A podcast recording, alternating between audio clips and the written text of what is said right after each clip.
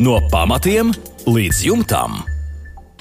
Sveicināti studijā Inese un būveksperts, tehnisko zinātņu doktors Juris Biršs, lai nākamo pusstundu atbildētu uz jūsu iesūtītajiem jautājumiem par būvdarbiem un remontdarbiem. Labvakar, Birškungs! Labvakar! Šoreiz sāksim ar ārņa vēstuli. Plānoju siltināt vecu koku ēku un izbūvēt arī bēniņus. Izklāt telpu ar tvaika barjeru un rīģipšu plāksnēm. Vai starp barjeru un ģipškartona plāksni ir nepieciešama gaisa šķirtkārta, tas ir siltajā pusē, un kā un ar ko būtu labāk siltināt koka ēkas bēniņus? Lūdzu, sniedziet padomu Arnim. Mm, jā, nu, šeit ir vesela, principā, vesela, vesela mācība. Jāstāst. Garš stāsts. Jā, garš stāsts ir īstenībā. īstenībā nu, centīsimies bez šaubām īsāk un koncentrētāk. Bet pirmkārt, tātad, tā ir sava veida siltināšana no iekšpuses. Ja, nu, nu, ja ir bērnīte telpa, tad mēs no ārpuses siltinām, mēs siltinām no iekšpuses. Un, ja mēs siltinām no iekšpuses, tad mums ir divas, divas iespējas. Iespēja viena, ja mēs pielietojam minerālo vati, tad nu, siltajā pusē pēc likuma jāliek ir tvaikizolācija. Ja mums nav minerālā vata, bija kāds uz koku bāzes veidots siltumizolācijas materiāls, mēs šo šo tvaikizolāciju varam nelikt. Nu, likums saka, jāliek, bet mēs varam ar, ar, ar aprēķinu, ļoti vienkāršu aprēķinu, pierādīt to, ka tas tur nav vajadzīgs. Jo lieka tvaikizolācija, kā mēs zinām, vienmēr maisa gaisa apmaiņai, uzkrājās visādi gaisa produkti, un katrā gadījumā tas nesekmē mm, veselīgam, veselību. Kas attiecas par šo gadījumu, nu, pieņemsim, ka mums ir tvaika barjera uz siltumizolācijas materiālu. Siltumizolācijas materiāls pieņemsim, kad ir uh, minerāla vata, kā tas ir akmens vata vai stikla vata. Un tālāk e, tvaiks, tvaika izolācija, tvaika barjera tā saucamā, un tālāk mums ir eriģipša plāksnes. Nu, redziet, šeit ir tāda nekur nerakstīta likumsakarība. Jūs varat pēc nekur neviens likums neprasa, ka jums ir jā, šajā vietā jādab, jābūt gaisa spraudziņai. Šī gaisa spraudziņa var nebūt, bet tad viņai ir zināmos apstākļos, ir zināmas sekas. Un tāpēc paskaidrošu, kā tas iznāk. Ja mēs neliekam Tad mums viss mitrums, kas rodas telpā, ko ražo cilvēks un iekārtas, vispārējais, viņš dodas uz āru. Tad viņš dodas cauri rīķipsim, nevis kā tvaiks, ne kā eņģelīts lido, bet viņš pāriet, samērcē šo rīķipšu plāksni un lēnām pilienu veida ūdens virzās caur šo rīķipšu plāksni, satiekot otrā pusē. Nu, tukšs, tas ir tajā vietā, tvaika plēvi. Sadīkot tieši, kas ir bez nekādas gaisa, gaisa atstarps. Tā tad mm, pilienveida ūdens paliek pilienveida ūdens, un viņš tur nu, ļoti plānā, mikrona biezā kārtiņā uzglabājās zinām laika, ja to atļauj gaisa mitrums. Klāt ir mūsu pavadoņi, kas ir visu laiku Latvijas apstākļos, visā gaisā, tas ir pelējums spors. Viņas momentā tur ir silts, tur ir mitrs, un tur ir ēdamā vairāk kā vajag, un viņas uzplaukst. Tas nozīmē, ka ja mums ir mitrs gaiss, Nu, teiksim, ir bijis pirms lietas, pēc lietas, dažas dienas ir pamitrāks gaiss. Mēs jūtam tāpat tādu, tādu pelējumu smārdu. Mums nepatīk. Tagad eh, sākās saulains laiks, izžūst viss, un šis smārds pazūd. Un atkal sākās kaut kāds mitrāks laiks, rudens, un parādās šis smārds. Nu, tā var izbeigt ar kādā veidā, ka mēs vienkārši starp mm, tvaika barjeru un starp rīķips atstājam visu vismaz 5 mm spraudziņa gaisa. Jo kas tagad notiek? Um, cauri um, pilienu veidu ūdens iet cauri ģipsim, un tālāk viņš nesatiek vairāk tvaika izolāciju, bet ir gaiss. Viņš iztvaiko un pārvēršas par tvaiku, bet tvaiks nekādā gadījumā neveicina pelējumu rašanos. Un tāpēc mēs esam pārvērtuši ūdens, pilienveidu ūdeni tvaikā, un nekāds pelējums rasties nevar. Ja kāds tam netic, tad viņš uzliek bez gaisa spraugas un pēc divām nedēļām noņem vienu plātni nost un skatās. Pēc divām nedēļām jau jums būs iezīmēts plātnes robežas ar pelējumu melnu, jeb pelēku melējumu, pelējumu pazīmēm. Ja? Un pēc, vēl pēc kādiem, pēc kādiem dažiem mēnešiem mums ir vienkārši melns rāmis riņķī. Ja? Tā kā mm, ja jūs pieciešat to, to pelējumu smaku, tad nekas viss ir kārtībā. Nekāda likuma viņu neizslēdz, ka mums jāveido. Bet, ja mēs gribam, lai viss vienmēr būtu vislabākā kārtībā, tad mēs apmēram 5 mm spraudziņu ieturam starp tvaika barjeru un starp apšūves materiālu. Nu, redziet, kā tāds sīkums, bet cik būtisks un nozīmīgs - 5 mm. Jā. Un jau pēc pāris nedēļām var sajust šo nepatīkamo smārdu. Ir bijuši gadījumi, kad ir mājās, kad jūt, kad ir tiešām Jā. tas ir ļoti un, traucējoši. Un tas ir traucējoši, un cilvēki prasa, kā tikt vaļā no tā. Nu, tad jau, kad jau tas ir jau noticis fakts, nu, tad ir daudz grūtāk. Tad ir vienkārši jāpārliek tās uh, eh, reģipšu plātnes pa jaunu, jāpārliek, veidojot gaisa spraudziņu bet nu, labāk ir to darīt uzreiz. Nu, katrā ziņā Arnēs to noteikti izdarīs, un viss būs kārtībā, un nebūs šī nepatīkamā problēma. Paldies par atbildi uz jautājumu. Nākamā mums ir vēstule no Rolanda, un Rolands arī ir pievienojis uzskatāmu rasējumu, un vēstule skan šādi. Vēsturiskā statusa dēļ ēku nepieciešams siltināt no iekšpuses. Sienas nav līdzenas. Vai starp ķieģeļa mūru sienu un siltumizolāciju drīkst atstāt spraugu? Vai šo spraugu nepieciešams aizpildīt vai atstāt kā ventilējumu zonu? Kādu tvaika izolācijas plēvi arī izmantot? Un pielikumā te ir pievienots zīmējums. Rolands jautā, vai šis risinājums ir pareizs, un es mēģināšu soli pa solim iziet cauri šim zīmējumam. Ķieģeļa mūra siena 380 mm, gaisa sprauga 10 līdz 15 mm, starpsienu metāla karkasa profili Tāda siltumizolācija, akmens vate 100-150 mm, tvaika izolācijas plēve un plāksne 12,5 mm ģipša šķiedras. Šāds ir šis uh, Rolanda iecerētais pīrāgs.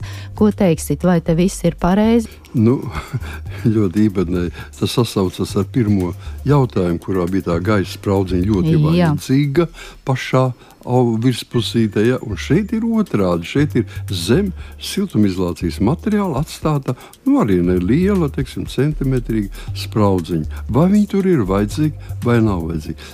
Viņa tur nav vajadzīga. Latvijas apstākļos to aizliedz taisīt um, Latvijas būvnormatīvs 002, 21, kas ir beidzamais. Viņi aizliedz jebkādus, jebkurā konstrukcijā, kas ir, mm, kura atdala no ārpuses, kura ir ārpus un iekšpus. Tad mm, ārā gaisa un iekšā gaisa. Šādā konstrukcijā, ja viņi sastāv no vairākām daļām, tad viņā nedrīkst būt nekādi gaisa tukšumi, gaisa ejas vai e, kaut kādi citi neventilēti tukšumi, jo viņi visi piepildīsies ar ūdeni, ar, vienkārši ar mitrumu. Latvijas apstākļos tas ir. Tā ir pilnīgi pretēji, teiksim, kā ir Grieķijā vai, vai, vai Itālijā, kur ir, kur ir sienas jau vairāk tukšumaina siena, jo viņi ir labāk gan priekš uh, saules enerģija aiz, aiztur, gan, uh, gan sausums un tā tālāk.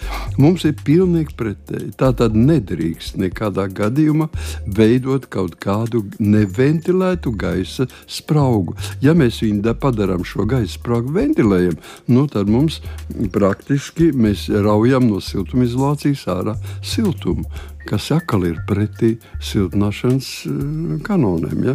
Tā kā jebkurā gadījumā mums jābūt 380, ja ir, lai būtu šie ķieģeļa sienas milimetri, aiz viņiem ir cieši klāt. Jo ciešāk, jo labāk. Klāt siltumizolācijas materiāls, aiz siltumizolācijas materiāla, ja tas ir, ir minerāla vata, tātad tvaika izolācija, maza gaisa kārtība, kārtība, par ko mēs runājam, pirmā jautājumā 5 mm, un tālāk ir apdars materiāls. Viss, vairāk nekas. Un vēl uh, Rolands vaicāja, kādu tvaika izolācijas plēvi izmantot. Nu, par tvaika izolācijas plēvi mēs saucam tādu plēvi, kura laiž 24 stundu laikā caur sevi, caur vienu kvadrātmetru, izlaiž cauri mm, mazāk par vienu gramu ūdens.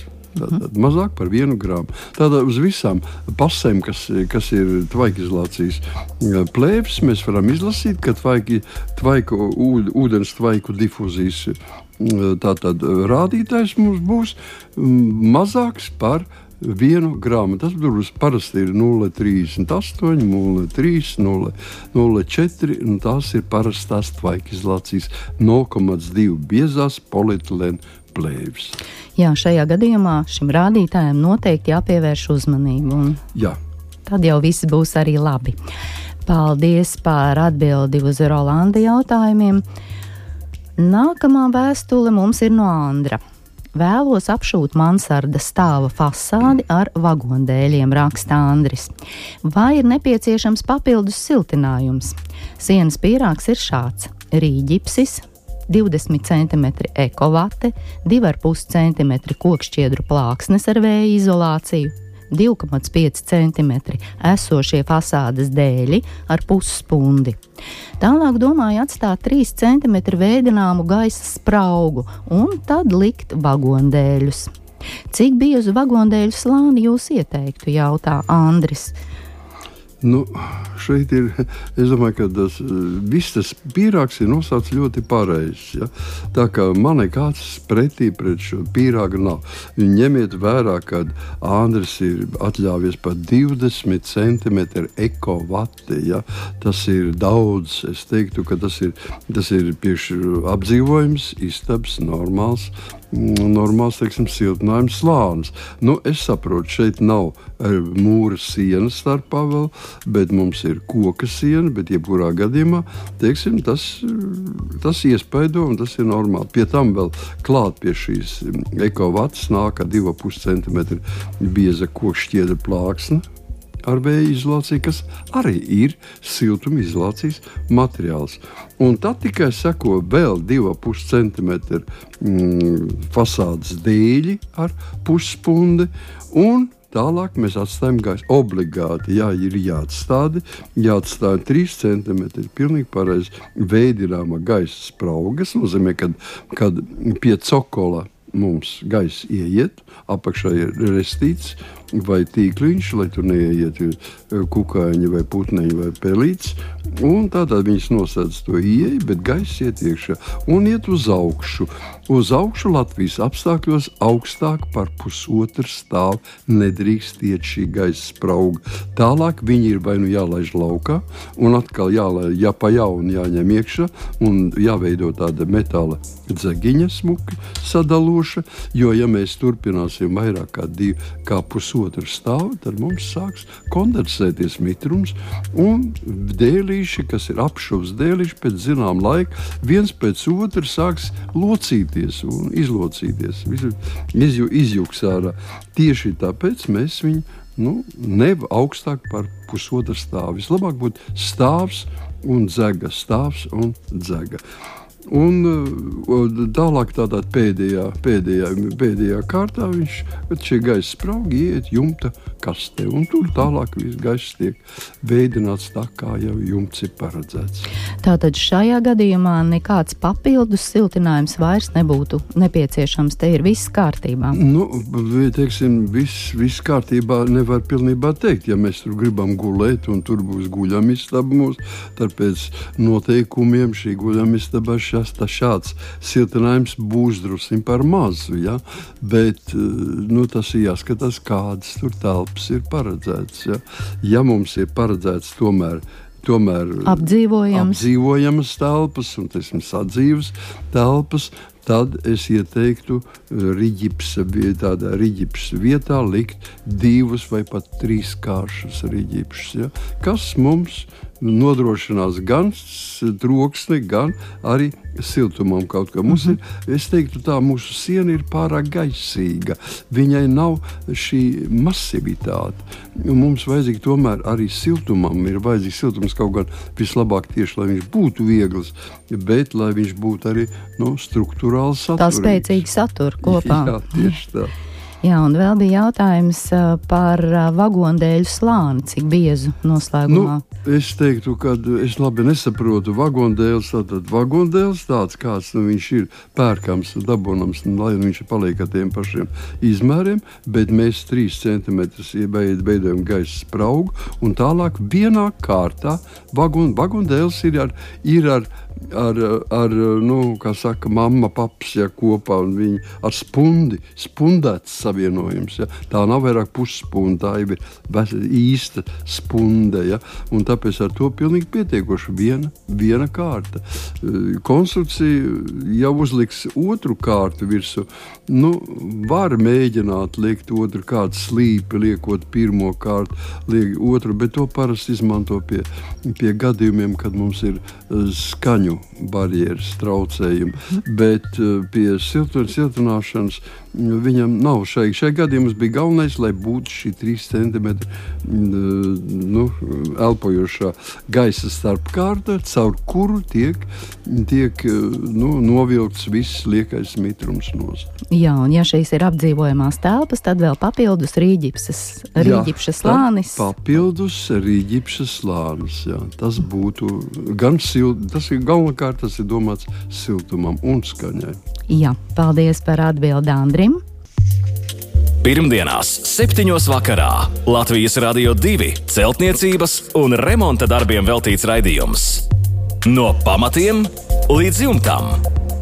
Ar padomiem un atbildēm uz klausītāju jautājumiem Latvijas Rādio 2 studijā - tehnisko zinātņu doktors, būveksperts Juris Biršs.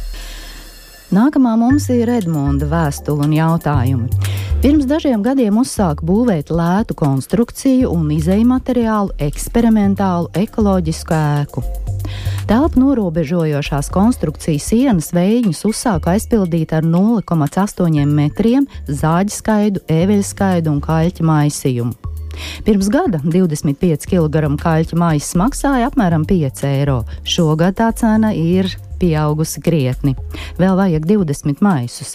Šāds lēto izēju materiālu sadārdzinājums man vairs nav pakabatai raksta Edmunds. Un jautājums, vai šajā gadījumā kaļķi var aizstāt ar dolomīta miltiem? Vai tiem piemīt nedzēstajam kaļķim līdzvērtīgas mitrumu uzsūcošas, antibakteriālas, pretgrauzēju un citas pozitīvas īpašības. Un vēl kādu citu zemu izmaksu piedevu var izmantot nedzēstā vai dzēstā kaļķa vietā. Nu, lūk, top eko māja, bet nu, radušies šķēršļi un tie ir materiāli raksturi. Ko varam ieteikt Edmundam? Jā, nu tā īsti es tā mazliet diezgan ļoti, ļoti pavirsi nobraucu pāri, pa, kā Visotskis ir devis, Edmunds Visotskis ir devis tādu diezgan vispusēju skatījumu. Es tā labi nesaprotu. Biez, nu, tas ir 80 cm biezs slānis ar zāģi skaidu, ēveļu skaidu un kaļķa maisījumu. Jā. Kā tas kaļķis ir? Ja tas kaļķis ir pulverveida kaļķis, Tādā gadījumā viņš izmanto tikai kā mm, viņu nu, ir veidņi, riņķi, kas, kas ietur sienas gabaritus. Un šajā gadījumā nu, teiksim, šis kaļķis izmantots tiek tikai kā nu, antiseptiķis. Ja? Nu, teiksim, teiksim, kā, jo pats par sevi skaida nevar saglabāties. Ja tur mazliet ir mitrums, viņu var pūt, viņu var pelēt. Un, lai tas nenotiek, tad mēs viņu impregnējam. Ja? Nu, vai nu īpaši ap, apstrādājam, es saprotu, tā ir ekoloģiskā māja un negribas ar kalciju chlorīdu apstrādāt viņus, vai ar alumīnijas sulfātu var apstrādāt viņus. Nu, vispirms tas skaidrs skaidrs mitrina ar samitrina alumīnija sulfātu vai kalcija chlorīdu, pēc tam viņš žāvē un tad viņš pildi iekšā. Tad tur neko vairāk nevajag jālikt. Tad viņš viss ir, ir, ir jau impregnēts. Nu, es saprotu, ka, ka tā arī vajadzēja rakstīt mm, Visotskim, kad, kad e, izmanto vienkārši kā antiseptiķi. Jā, var izmantot kā antiseptiķi daļēji. Ja? Daļēji. Tikai es, es teiktu, ka, ka diezgan, diezgan tā efekta liela nebūs. Jo, ja mēs paskatāmies, no kā sastāv dolomīta milti, tad tur apmēram nu, teiksim, teiktu, tā, kalcija karbonāts un magnēja karbonāts. Tur bija vairāk nekā kalcija karbonāts un, un, un praktiski nu, tādas saistvielām līdzīgas kodīgas vielas, ko, ko mēs eh, meklējam šajā gadījumā pie kaļķa. Ja? Kalcija soda ir kodīga viela. Šeit nav tādas, bet viņa iedarbojas, ja viņa nav, ir pretīga, ja mēs varētu teikt, nepieņemama eh, pelēm un dažiem kukaiņu veidiem. Godīgi sakot, eh, viņu var pielietot, bet es nedotu nekādu garantiju, ka viņa var aizvietot. Kā aizvietotājs viņa nedara viņa šai gadījumā ir par vāju. Vienkārši. Ja mēs pielietojam šo, šo kaļķi arī kā daļai kā saistvielu, Nu, es gan neticu tā, bet es domāju, ja gadījumā pielietojam saistvielu, nu, tad es saprotu šo lielo mm, milzīgo uztraukumu. Jā, jo 18 eiro par kaļķa maisiņu tas ir, tas ir ļoti daudz. Tādā gadījumā lūdzu vajadzētu iztikt ar vienkārši portlandu cementu. Ja portlandu cements būs kaut kur 7, 8 Mm, eiro par maisu. Ja? Tāpēc, eh, iz, kā izmantot kā tīru antiseptiķu vai kā tīru impregnēšanas līdzekli, viņš ir vājš. Izmantot var, viņam ir zināmas tendence būt impregnētam, bet, impregnētājam, bet eh, nu, tas nav tā, pat puse no tā, ko dod kaļķis. Mm -hmm. Jā, paldies par atbildi Edmundam. Ko darīt ar krīta griestiem? Kā tos atjaunot? Kāds būtu vislabākais risinājums? Gruntēt, krāsot, balsināt, noņemt krītu un vienreiz par visām reizēm pārkrāsot. Platība ir paliela. Krīta griezti ir nokaitinājuši. Jā. Ir jārod risinājums, ko nu, darīt. Nu, es teikšu, ka man arī viņi savā laikā ir nokaitinājuši. Tāpēc, kad nu, vai nu jūs gribat vai negribat, jums, jums telpā uh, ilgāk, uz, ilgāk laika laikam paiet griezti jau sevišķi apkūp, īpaši tas skaitās uz, uz virtuvēm, ja, un, un viņi paliek tumši. Nu, negribās, ka, jo, ja viņi būtu vienmērīgi, viņi nevienmērīgi, un, un gribās kaut kādīgi viņus balsināt. Lai varētu balsināt, teiksim, jau, jau balsināt uz kādreiz griezts, mums viņi ir vai nu jāmazgā, ka tas nozīmē ļoti biezi. Ir šie kārti jau vairākas reizes viņi balsināt, jeb viņi ir jāapstrādā ar speciāliem virsmas struktūrētājiem, ar teiksim, dziļumgrūntiem, tīvgruntiem, kas viņus satur kopā. Bet es jums pateikšu, ka ir viena metode, nu, lielākoties gan esmu to praktiski pats pārbaudījis. Un tā īpaši es, es ieteicu daudziem, bet var pamēģināt cilvēku. Tātad, ja jums apnīks un negribas to darīt, tad to lietu dara sekojoši. Ņem balto cementu, nu, nomazgā pēc šābām. Pirmā reize, šai gadījumā bija jāsāk pa jaunām. Ja? Tas nozīmē, mēs nomazgājam esošos griestus un ņemam un balto cementu, Alborgu vaitu vai kaut vienalga kāds Latvijā var dabūt. Mēs jau paši neražojam. Un, teiksim, baltais cements plus ūdens. Un mums ir vajadzīgi vēl pielikt klāt saistvielu.